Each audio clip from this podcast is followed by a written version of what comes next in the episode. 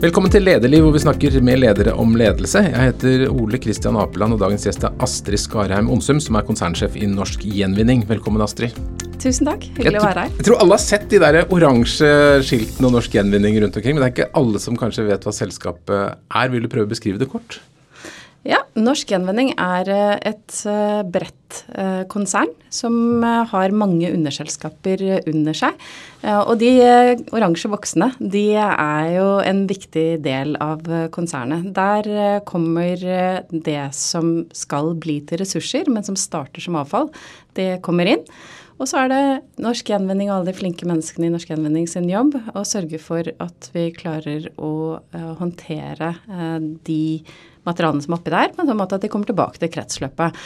Og det gjør vi ikke bare med oransje bokser, men Norsk Gjenvinning jobber også for å eh, redusere Um, avfall i bygg og by. Det betyr at vi jobber med hvordan kan man forle forlenge levetiden til et, uh, et bygg, istedenfor å bygge et helt nytt et. Uh, vi jobber med vannbehandling og ressurser innenfor uh, vann og rengjøring. Og egentlig bredt innenfor miljø, bærekraft og sirkularitet. Jeg håper vi kan snakke mm. mer om det i dag. Dere er ganske store. Dere er rundt omkring overalt? Ja, vi er rundt omkring overalt. Og det jeg pleier også å si på med et smil at uh, hvis du tar alle lokasjonene til Norsk Gjenvending i Norge, så ser norgeskartet ut som det har meslinger. Mm -hmm. uh, og det sier noe om alle de lokalsamfunnene som vi er en del av. Og, det er viktig for konsernet og alle de bedriftene som er i konsernet, at vi er en god del og en viktig del av de lokalsamfunnene rundt omkring i hele landet. Du kom inn i den jobben i fjor, og da kom du fra, fra Aker Offshore Wind og var sjef der. Det var jo veldig sånn hot og kult og røkke og bærekraft. Hva var det som fikk deg til å bytte jobb? Ja, jeg tror ikke jeg var der fordi det var hot og kult. Det var rett og slett en utrolig spennende jobb, og det var en fantastisk mulighet det å få anledningen til å bygge ny virksomhet innenfor eh, havvind basert på kunnskap og teknologi fra olje og gass. Det å få lov til å bygge opp et uh, selskap fra bunnen av, det var også et uh, privilegium. Og jeg har stor tro på havvind som en del av uh, nøkkelen til å være med på å løse klimautfordringen. Så hvorfor gjorde jeg dette? Jo, det er jo egentlig ganske enkelt, og dette er nøkkelen knyttet til sirkularitet.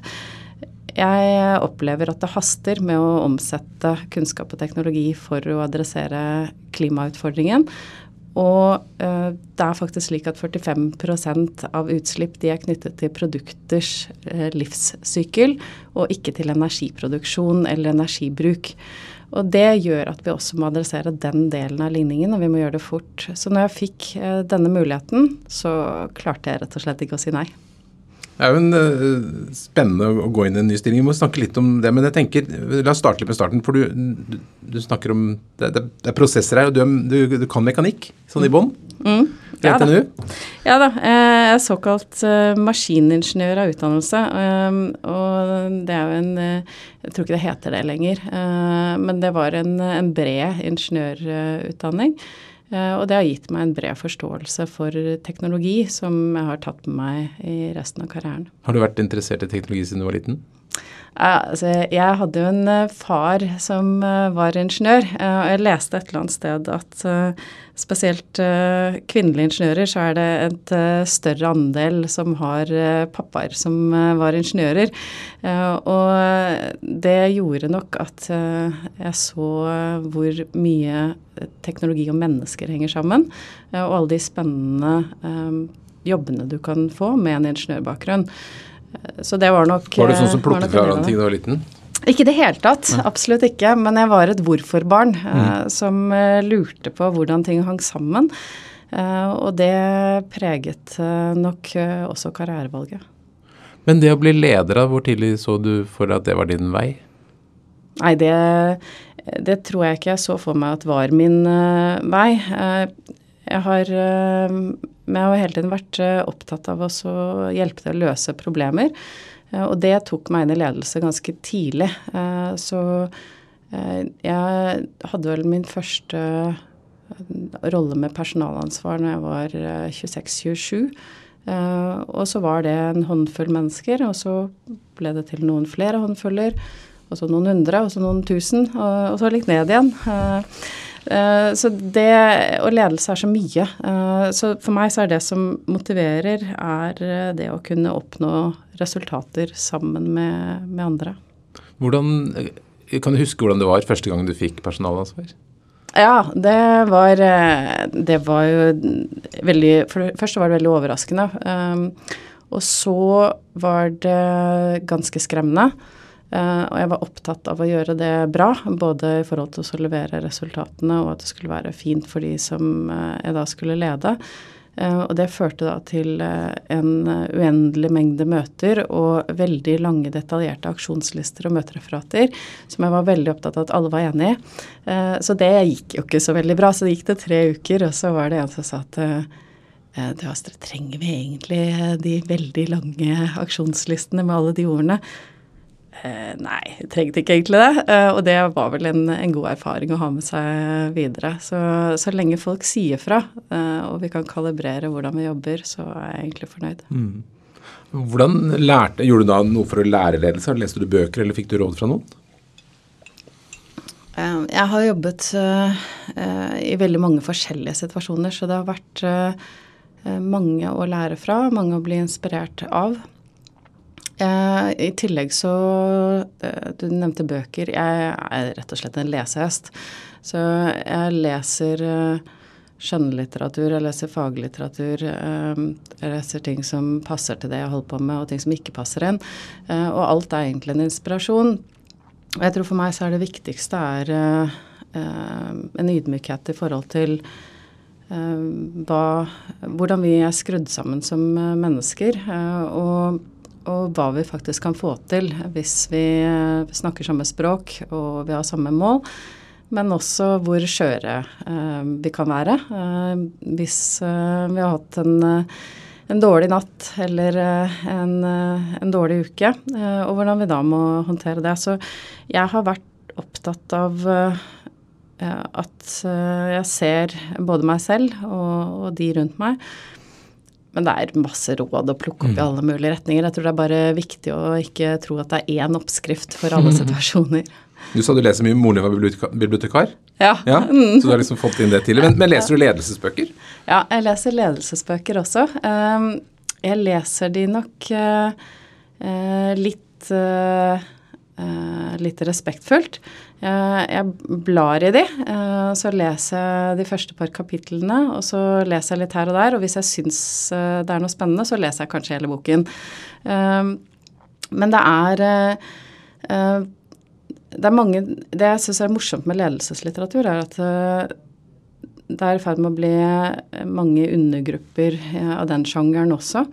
Eh, så jeg har stor glede av å lese i fjor sommer en bok som, uh, som heter Range, som handler om, uh, om, bredde i forhold til dybde og spesialisering.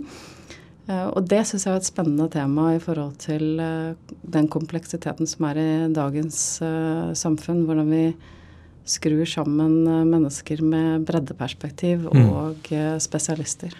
Det er spennende. Jeg følger litt med på sånne lister over hva som trender av ledelseslitteratur. Nå er det veldig mye om hvordan man leder eh, hjemmekontor og, og sånn hybridjobbing. Og sånn. Det er liksom årets store boktrend, da, men det er ikke ja. sikkert man trenger å lese mye bøker om det. Men eh, du, du, har jo da vært eh, i engineeringbransjen, Reiners Engineering, Aker Kværner, Aker Solutions, men så ble du eh, i Aker Offshore Wind så ble du administrerende første gang. Jeg hadde vært eh, daglig leder i engineeringvirksomheten um, til eh, Aker Solutions i fem år. Ja. Så det var vel min første store store virksomhetsledelse. Og Hvordan var det å komme liksom på toppen av kraskapet? Ja, nei, det, det, var en, det, var noe nytt, for da kom jeg fra en Eh, rolle hvor jeg hadde ledet eh, noen hundre mennesker med fagansvar og også eh, budsjettansvar i og for seg. Men, men det helhetlige inntektsansvaret, og så var det en transformasjonsoppgave. Det var da nytt for meg. Da var dette er Nå er vi tilbake til sånn type 2011. Da var utfordringen å, å, vri noe som da hadde vært et kostsenter, over til en, en inntektsbringende virksomhet. og en en virksomhet som eh, hadde fremtiden foran seg. Eh, og det Jeg hadde jobbet mye med endringsprosesser og endringsprosjekter, men det var min første store endringsledelsesjobb. Kjempespennende. Det jeg lærte veldig fort, er at det gjelder å finne ut hvem man kan lene seg på. Hvem kan man lære fra? Og hvem kan avlaste i det det står i. Mm. For det, I fjor så kom du da inn som leder i Norsk Gjenvinning, og da er jo den virksomheten du ikke kjenner i det hele tatt. Og så, mm. så har du ja. sikkert et styre som forventer masse. Ja. Det er liksom gøy. Hvordan, hvordan starter du? Altså, den første dag på jobben, hva, hvordan, hva, er prioriteringslisten? Hvordan starter man på en sånn eh, jobb? Ja, um, De sier jo at første dag på jobben er, uh, er kritisk, men jeg tror kanskje de første månedene på jobben er uh, vel så kritisk. Uh, så jeg kaller egentlig den fasen liksom neddykkingsfasen. prøver å lære så mye jeg kan på kort tid. Jeg har gjort det før. En ting var den overgangen fra olje og gass til havvind, hvor jeg også måtte sette meg inn i en ny industri på noen måneder. Uh, jeg sitter også og styrer i en, en gruveutstyrsselskap, så jeg måtte meg sette meg inn i, inn i gruveindustrien. Uh, og det å sette sette seg inn i, en gjenbinding og materialflyt og uh, hva er avfall og hvor industrielt er dette, det var da nytt. Samtidig så, så ser jeg at uh, når jeg snakker med, uh, med de menneskene som, som, allerede jobber med disse tingene, når jeg faktisk er fysisk ute, så er det mulig å lære ganske raskt. Ikke for å bli en større ekspert enn de menneskene som er der allerede, men nå, min ambisjon er alltid at jeg lærer bratt nok til at jeg blir en interessant sparringspartner for de menneskene som er i organisasjonen. Så i høst, eh, på de eh, tre månedene fra 20.9. Og, og ut året, så besøkte jeg 15 eh, forskjellige lokasjoner i, i norsk gjenvinning. Eh, og da er det det å se på hva skjer her? Mm. Hva gjør vi her? Eh, hva er det som er utfordringene våre? Hva er eh, risikoene? Hvor går det galt? Hva er en god dag på jobben? Og når jeg har stilt nok spørsmål og lyttet nok, så begynner det å danne seg noen mønstre. Og da ser jeg også hva av min gamle verktøykasse som er nyttig og relevant. Eh, og så gjelder det også å fylle på med lesing i parallell, da. Mm. Koser du deg med den fasen, den dykkerfasen? Ja, jeg gjør det. Jeg er veldig glad i å, å lære, rett og slett. Uh, jeg er nysgjerrig. Det er den uh, hvorfor, det hvorfor-barnet. Um, så jeg, tror hjernen min er ganske fornøyd når, når jeg kan sammen med andre mennesker finne sammenhenger. Men så må det vel være en utfordring å tenke på når har man på en måte lært nok og skal begynne å forandre? Ja. Eller når, når, ja. når, skal man lære litt til? Hvor, hvor er du nå hen? Jo, eh, mitt eh, mandat er å ta en, en flott eh, organisasjon inn i eksponentiell vekst og i nye utfordringer.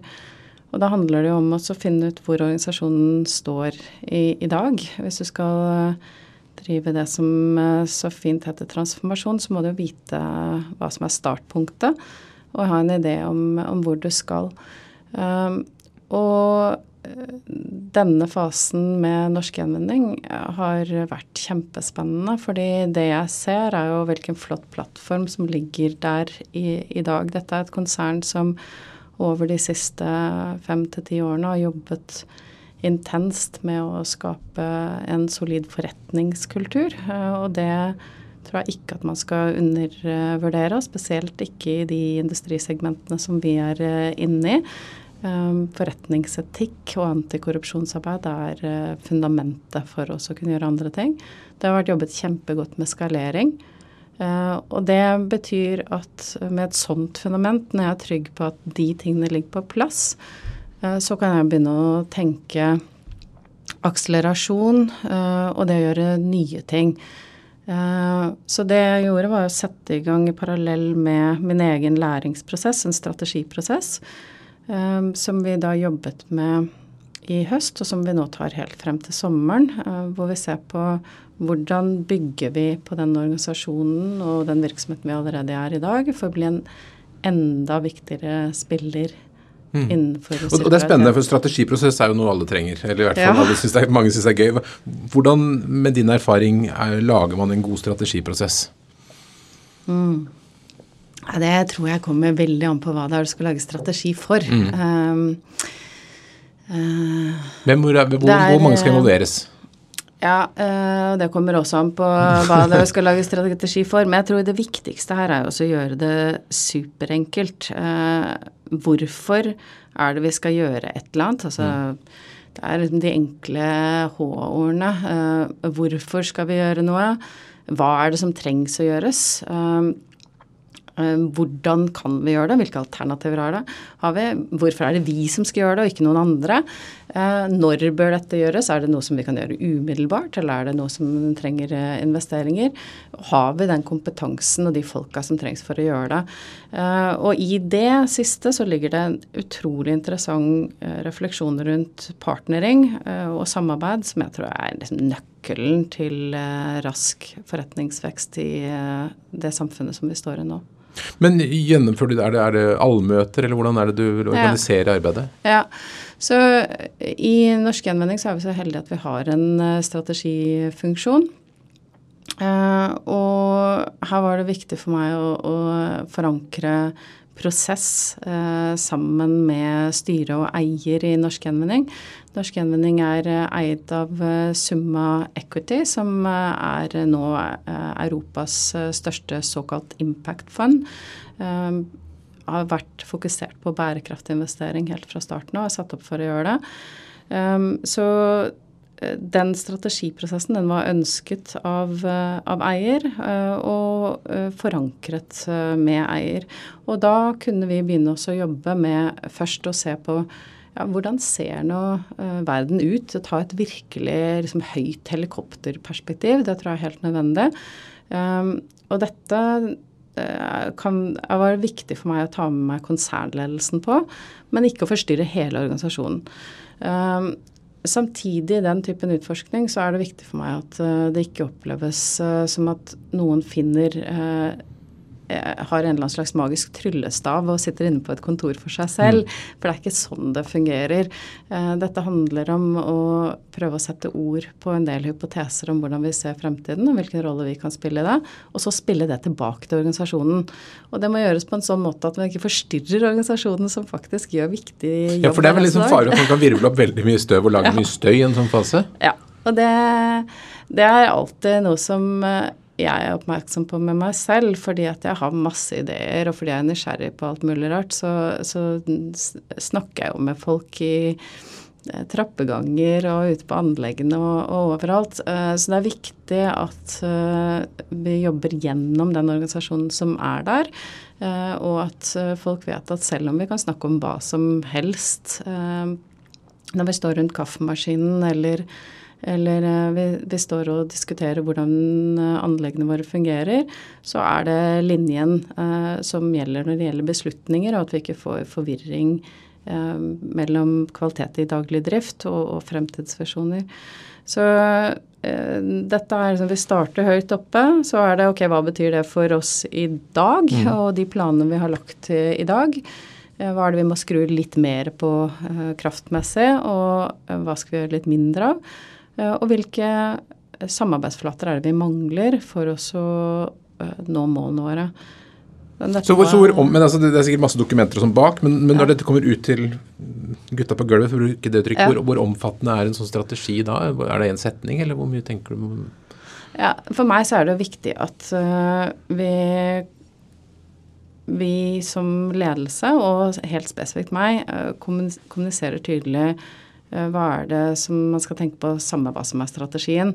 Så jeg snakker eh, alltid på alle allmøter om sikkerhet. Mm. Fordi eh, uavhengig av hva det er vi skal holde på med, så lenge vi holder på med det, så må eh, vi ha sikre arbeidsplasser og jobbe på en sånn måte at eh, vi eh, sikrer både egne ansatte og de menneskene vi kommer i kontakt med, og eh, miljøet rundt oss i det daglige. Eh, Så det er det første. Eh, Så kan du diskutere om det er en strategi. Ja, det er i hvert fall et prinsipp for, for virksomheten. Og så er det forbedring. Det at for organisasjonen forstår at hvert enkelt menneske kan gjøre veldig mye for å forbedre virksomheten. Det er også en, en, en strategisk pilar at vi har kontinuerlig forbedring i bunn. Uh, og, den, og, det snakker jeg om, uh, uavhengig av hvor langt vi har kommet i strategiprosessen. Og da må det også være lov å tenke nytt og innovativt. Uh, og derfor så snakker jeg også om innovasjon. Så vi snakker om alle disse tingene i forhold til alle ansatte, og, og så er det selvsagt opp til lederne i de forskjellige virksomhetene å ta konsernstrategi ut i de virksomhetene på en måte som gir mening for dem. Mm. Er det noen opplevelser i, din, i, ditt lederskap som særlig liksom har formet ditt syn på hvordan man eh, lager og implementerer en strategi? Nei, altså jeg tror vel at uh, uh, jeg som alle andre har sett at uh, strategipakker kan være så gjennomtenkt de bare vil, og så godt illustrerte som, som bare det. Men hvis det ikke er en god plan for implementering, og hvis man ikke er eh, samlet som ledelse i hvordan man implementerer strategi, så har det egentlig liten verdi. Så eh, for meg så eh, er den typen opplevelser hvor jeg har sett gode ord og sterke visjoner, og så av en eller annen grunn så har det ikke skjedd. Det har, vært, det har formet meg og gjør at jeg er uh, særdeles opptatt av at vi faktisk har tenkt igjennom når noe skal gjøres, og hva det er som skal gjøres, og hvem det er som skal gjøres. Mm. Det siste er ganske viktig, mm. det med ressurssetting. Hva tenker du er de største utfordringene når du skal forandre og øke den virksomheten? Prioritering mm. er uh, Eh, en kontinuerlig utfordring, og så er det en fantastisk mulighet. Eh, fordi det er så mye vi kan gjøre. Eh, Norsk Gjenvinning-konsernet har som mål at vi skal akselerere verdens overgang til sirkulærøkonomi. Og det er ikke et lite, lite mål. Og det betyr at mulighetsrommet er, om ikke uendelig stort, så svært, svært stort. Så vi må eh, prioritere og velge ut de områdene som vi eh, skal jobbe med, både i det kortsiktige og det langsiktige. Og så må vi kontinuerlig tørre å stille spørsmålstegn ved de valgene vi har gjort, uten at det gjør oss eh, utrygge. Um, så det å skape godt rammeverk for prioritering, mm. sånn at beslutninger kan tas lengst mulig ut i organisasjonen, det er viktig for meg. Men Hvis du ser på Norge totalt sett, så tror jeg de fleste har en opplevelse av at vi er relativt flinke på sånn sortering og re mm. resirkulering og sånne mm. ting. Hvor er det mest ugjort? Hvor er det vi, liksom, landet burde ta tak, og hvor dere ønsker å bidra? Ja, eh, vi er eh kommet uh, ganske langt på sortering. Uh, det er nok et stykke igjen likevel. Ja, det er jo dårlig tall for Oslo f.eks. ja, og det er, også et, uh, det er også et stykke igjen på innsamling. Altså Hvis du ser på alt som havner i havet, så mm. er vel ingen av oss som er spesielt fornøyd med det. Um, så jeg, jeg, tror jo at vi må tørre å være fornøyd med det vi har gjort til nå, men tenke at det er mye mer som må gjøres. Både på innsamling og sortering. Og så er det det neste steget etter sortering er å sørge for at du har skala nok til at du kan få en fornuftig industriell prosess i å få det som ellers ville bli uh, avfall og havne til, til, forbrenning eller deponi. Hvordan kan vi få det tilbake til kretsløpet mm. istedenfor at det går den veien. Um, det, det, krever Eh, ny teknologi, men det krever skala på eh, materialstrømmene. Eh, og det ser vi at slår ut i norsk gjenvinning når vi klarer å få så mye skala at det faktisk går an å sette teknologi i arbeid.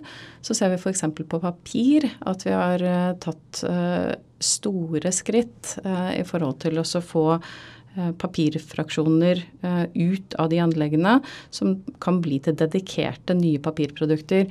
Fordi papir er jo ikke papir. Det er forskjellige Noen har, eh, har ikke så mye fiber igjen i seg, men det kan fortsatt bli til et eller annet papirprodukt. Mm. Så det å sortere papiret godt, både i forkant, men, men også på anlegget, blir viktig.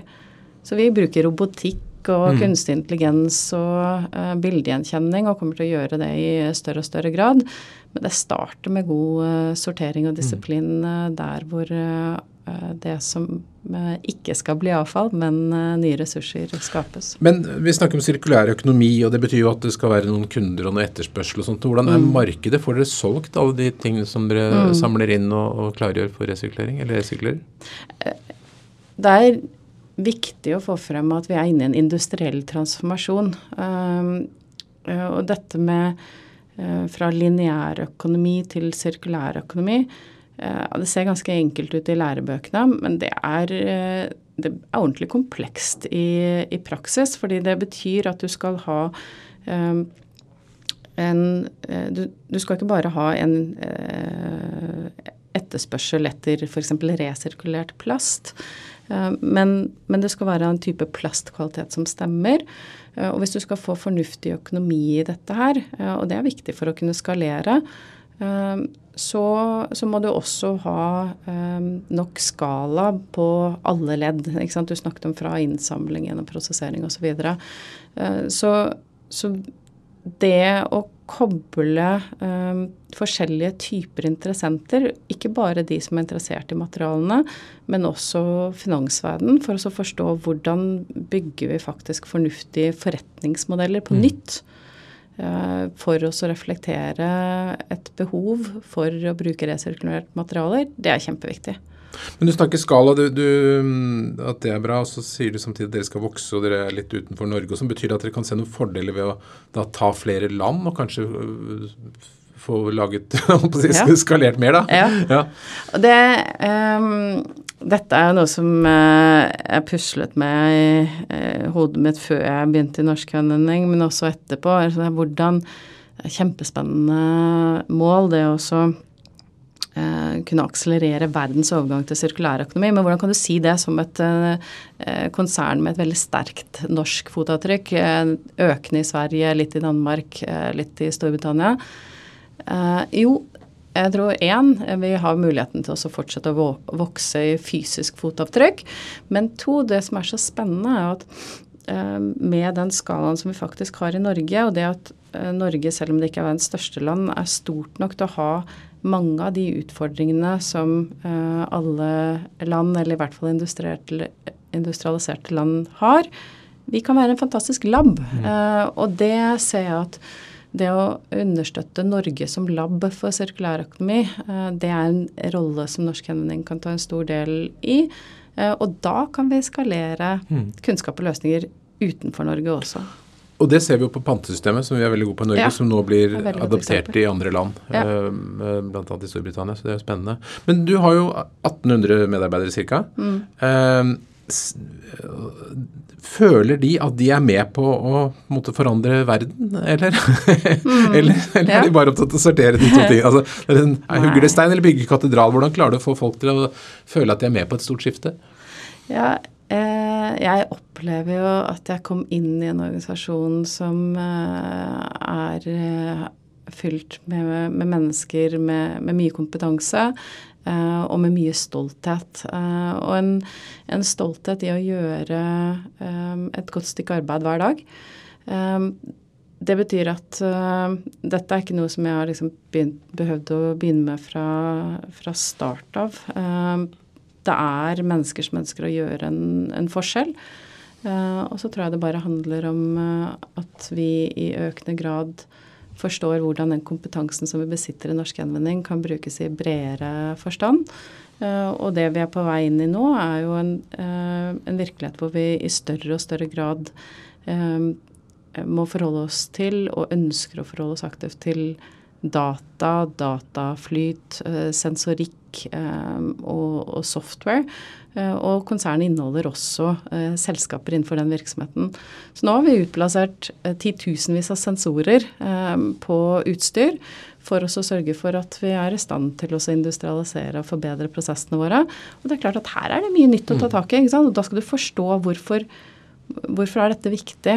Hvilken rolle gjør, gjør dataflyt? Hvordan påvirker det min hverdag? Hvordan kan ny teknologi påvirke min sikkerhet? Og, og, da er det som alt annet. Det er viktig at vi snakker sammen om hva dette fysisk er, og ikke bruker um, eller, la meg si at la oss sørge for at vi fyller ordet digitalisering med godt innhold. Mm. Men dere er jo da på en måte et veldig sånn selskap som, som, verden eller Norge trenger. altså Dere bidrar til å gjøre verden grønnere, dere skaper arbeidsplasser, dere bruker digital teknologi, alt mulig. Føler du at du har de gode nok sånn rammebetingelser fra myndighetene til det du holder med? Ja, jeg tror eh, det vi ser er jo, uavhengig av partipolitikk, eh, politikere som ønsker å være med på å akselerere landet eh, inn i en eh, fremtid hvor det er lavere utslipp og bedre forvaltning av miljø og enda bedre betingelser for menneskers helse. Så jeg opplever veldig sterkt et politisk Norge som ønsker å finne løsninger. Jeg opplever stor interesse for Eh, hva eh, vi gjør, og respekt for den industrielle transformasjonen som vi står i. Eh, og så tror jeg at det å klare nå å retenke hvordan kan vi jobbe på en um, måte som bygger ny industri ut av uh, de ressursene som faktisk ligger i avfall, det krever nok uh, Eh, litt grubling eh, og litt stokking av tanker og arbeidsprosesser både hos politikere, byråkrater og alle oss andre. Men eh, det, og det betyr noe for rammebetingelser. Bare for å være helt konkret, så tror jeg f.eks. at de regulatoriske prosessene våre de er stort sett veldig solide. Men de tar lang tid mm. fordi de er solide. Ok, Hvis uh, vi ønsker å forandre samfunnet raskt, hvordan klarer vi å ha solide regulatoriske prosesser som er raskere? Det er en kjempeutfordring. Gi et eksempel på en sånn regulatorisk prosess. Ja, For å uh, gi et helt uh, konkret eksempel, altså har vi i Norge sendt ødelagte gipsplater til deponier i årevis. Det er ikke et bra sted å ha gipsplater. Det fører til all slags utfordringer, og det er egentlig et unntak eh, eh, som, som, ligger der. Skal egentlig ikke til deponi. Så eh, i 2019 så eh, jobbet Norsk Gjenvinning sammen med aktører i norsk eh, byggeindustri for å se på kunne man samle inn nok ødelagte gipsplater, nok kapp, eh, til at dette ble nok materiale til at man kunne sette opp en, en gipsfabrikk. Mm. Og så fikk, eh, slo Norsk Gjenvinning seg sammen med et canadisk tekstselskap. Så satte vi opp en gipsfabrikk eh, for å håndtere det, eh, de ødelagte eller restmaterialene fra gipsplater. Eh, og det ble, var selvsagt en pilot. Mm. Og så viste det seg at ja, dette gikk jo kjempebra. Eh, og vi klarte å levere kvalitet, eh, nytt gipspulver som kunne gå inn i nye gipsplater og tilbake til byggeplassene mye raskere enn det vi trodde. Um, og vi kunne nå ha skalert opp uh, raskere basert på den teknologiutviklingen. Men den regulatoriske prosessen for å understøtte det å da ha større kapasitet og et større anlegg, den går mye tregere. Mm. Og det er ikke fordi at folk ikke vil, uh, det er fordi at sånn er det skrudd sammen. I et annet eksempel som jeg tror er Eh, som jeg opplever at eh, Oslo kommune er svært interessert i, er hvis vi skal få til reell sirkularitet, så må, disse, må vi ha anlegg eh, tett på der hvor folk bor, mm. og der hvor det er industri. Det betyr at lastebiler må kunne kjøre, uavhengig om de er elektriske eller på biogass, så må de kunne kjøre. Så rundkjøringer må ha plass til lastebiler. Det er viktig å reflektere om det er fornuftig at vi har masse lastebiler eh, og eh, privatbiler om hverandre, får vi da til eh, effektiv materialflyt og ehm, effektiv drift. Det må være et sted å putte de lastebilene når de mm. skal stå parkert. Konteinere må ha et sted å stå. Så det er en del sånn fotavtrykksproblemstillinger som vi nok ikke har tenkt nok gjennom som samfunn. Eh, og arealplanlegging er veldig lange prosesser. Så hvordan håndterer vi det at vi nå forstår eh, den reisen vi må gjennom, på en god måte i forhold til agil arealplanlegging? er ikke kjempelett, men den tenkingen må gjøres. Mm. Du har jo en svær oppgave. Stort selskap, mange steder, mange land, masse ting du skal lære og alt mulig. Og så har du 24 timer i døgnet sånn som oss andre. Fortell hvordan prioriterer du Hvordan planlegger du livet ditt for å få en god balanse? Uh, ja, altså ordet balanse er jo også morsomt. Jeg tror vi, vi skal være fornøyd hvis at vi uh, stort sett har balanse, og, og, at vi har det bra, og at vi klarer å ta vare på helsen vår. Uh, det er helt opplagt at i roller som min så er det mye jobb. Men jeg er takknemlig for å ha en veldig fin familie. Jeg er takknemlig for å ha en solid vennekrets som er tålmodig med at min hverdag eh, noen ganger eh, blir litt full. Og for meg så er det nyttig å ha uh, barn. Nå er mine blitt tenåringer. Mm. men det tvinger frem en, en, prioritering som gjør at når de trenger hjelp, så, så må de ha hjelp. og det gjør at det må være robusthet i prosesser på jobb. Så for meg så er det viktig at vi ikke behandler hverdager som krise, verken eh, hjemme eller eh, på jobb. Eh, det at vi har mye å gjøre, og at det er travelt, og at vi skal ha stor endring, det forsvarer ikke å drifte som krise. Så vi må gradvis jobbe med et grunnfjell av gode prosesser. Mm. Eh, og så må vi se hva vi kan leve med, da. Altså, jeg kan leve med litt rot både hjemme og på jobb, og det, det hjelper nok uh, godt. Men det skal være uh, ryddig iblant, uh, og vi skal vite hva det er som er kritiske prosesser å få orden på. Mm. Så jeg tror ikke jeg har noe magisk svar på det der. Men det er viktig å stille spørsmålstegn ved hva man gjør med jevn mellomrom. Dere har jo røtter i selskapet. Startet mm. som skraphandlervirksomhet i 1926. Det betyr at det blir 100-årsjubileum om noen få år. Ja. Hvordan, eh, eller på hvilken måte er norsk gjenvinning forskjellig da ved 100-årsjubileet enn eh, i dag? Uh, ja. Uh, Hvis du kan bestemme, og det kan du bestemme. Nei, men eh, jo, det er klart at uh, jeg kan bestemme, men, men uh, jeg har jo en, en ambisiøs eier, jeg har en flink ledergruppe, jeg har masse flinke ansatte, så sammen så forandrer vi. Og i tillegg så forandrer samfunnet seg rundt oss. så jeg tror sant, Eksempelet med gipsfabrikken er jo et sånt eksempel på sirkularitet, hvor du, du eh, har materialer som eh, hvis du ikke passer på dem, eh, så blir de til avfall som er negativt for, for miljø og økonomi. Det å klare å få til den sirkelen hvor hvor man jobber sammen på tvers av selskaper og kanskje industrier også, for også å få samlet sammen nok materialtyper til at du får skala til å, til å lage en industriell prosess, og så klare å få det tilbake igjen raskt nok eh, og på en kostnadsmessig fornuftig eh, måte. Det krever øving, eh, og det krever systematikk. Så jeg tror du vil se mange flere sånne sirkler. Og noen av de vil være eh, små. Eh, og jeg tror at vi ikke skal undervurdere lokalsamfunnene i Norge. Eh, det er mange stolte små eh, lokalsamfunn i Norge som har sterk industrikultur. Jeg tror vi kan eh, bygge spennende arbeidsplasser ved å ta tak i noen, eh, noen såkalte fraksjoner, altså noen materialtyper i lokalsamfunnene. Vi jobber vi jobber mye med eh, industriklynger i Østfold, f.eks. på Øra i Fredrikstad.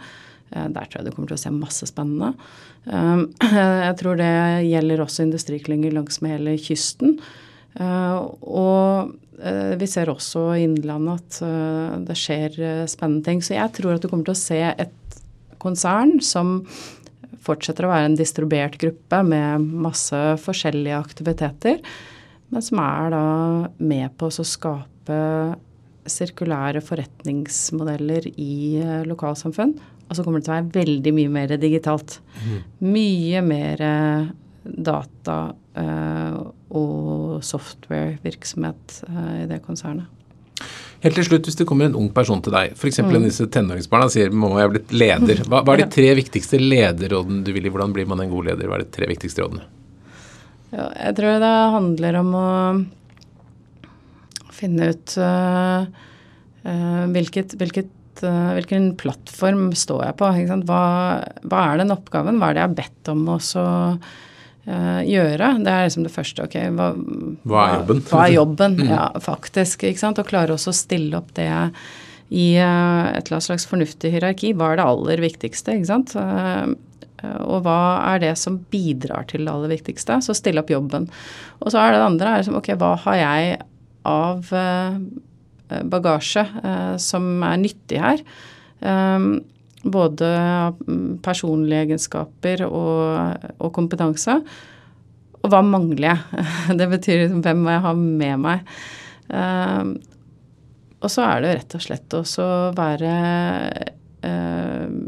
få lagt en plan og begynne å jobbe med den, men være klar til å forandre og justere planen etter hvert som man lærer.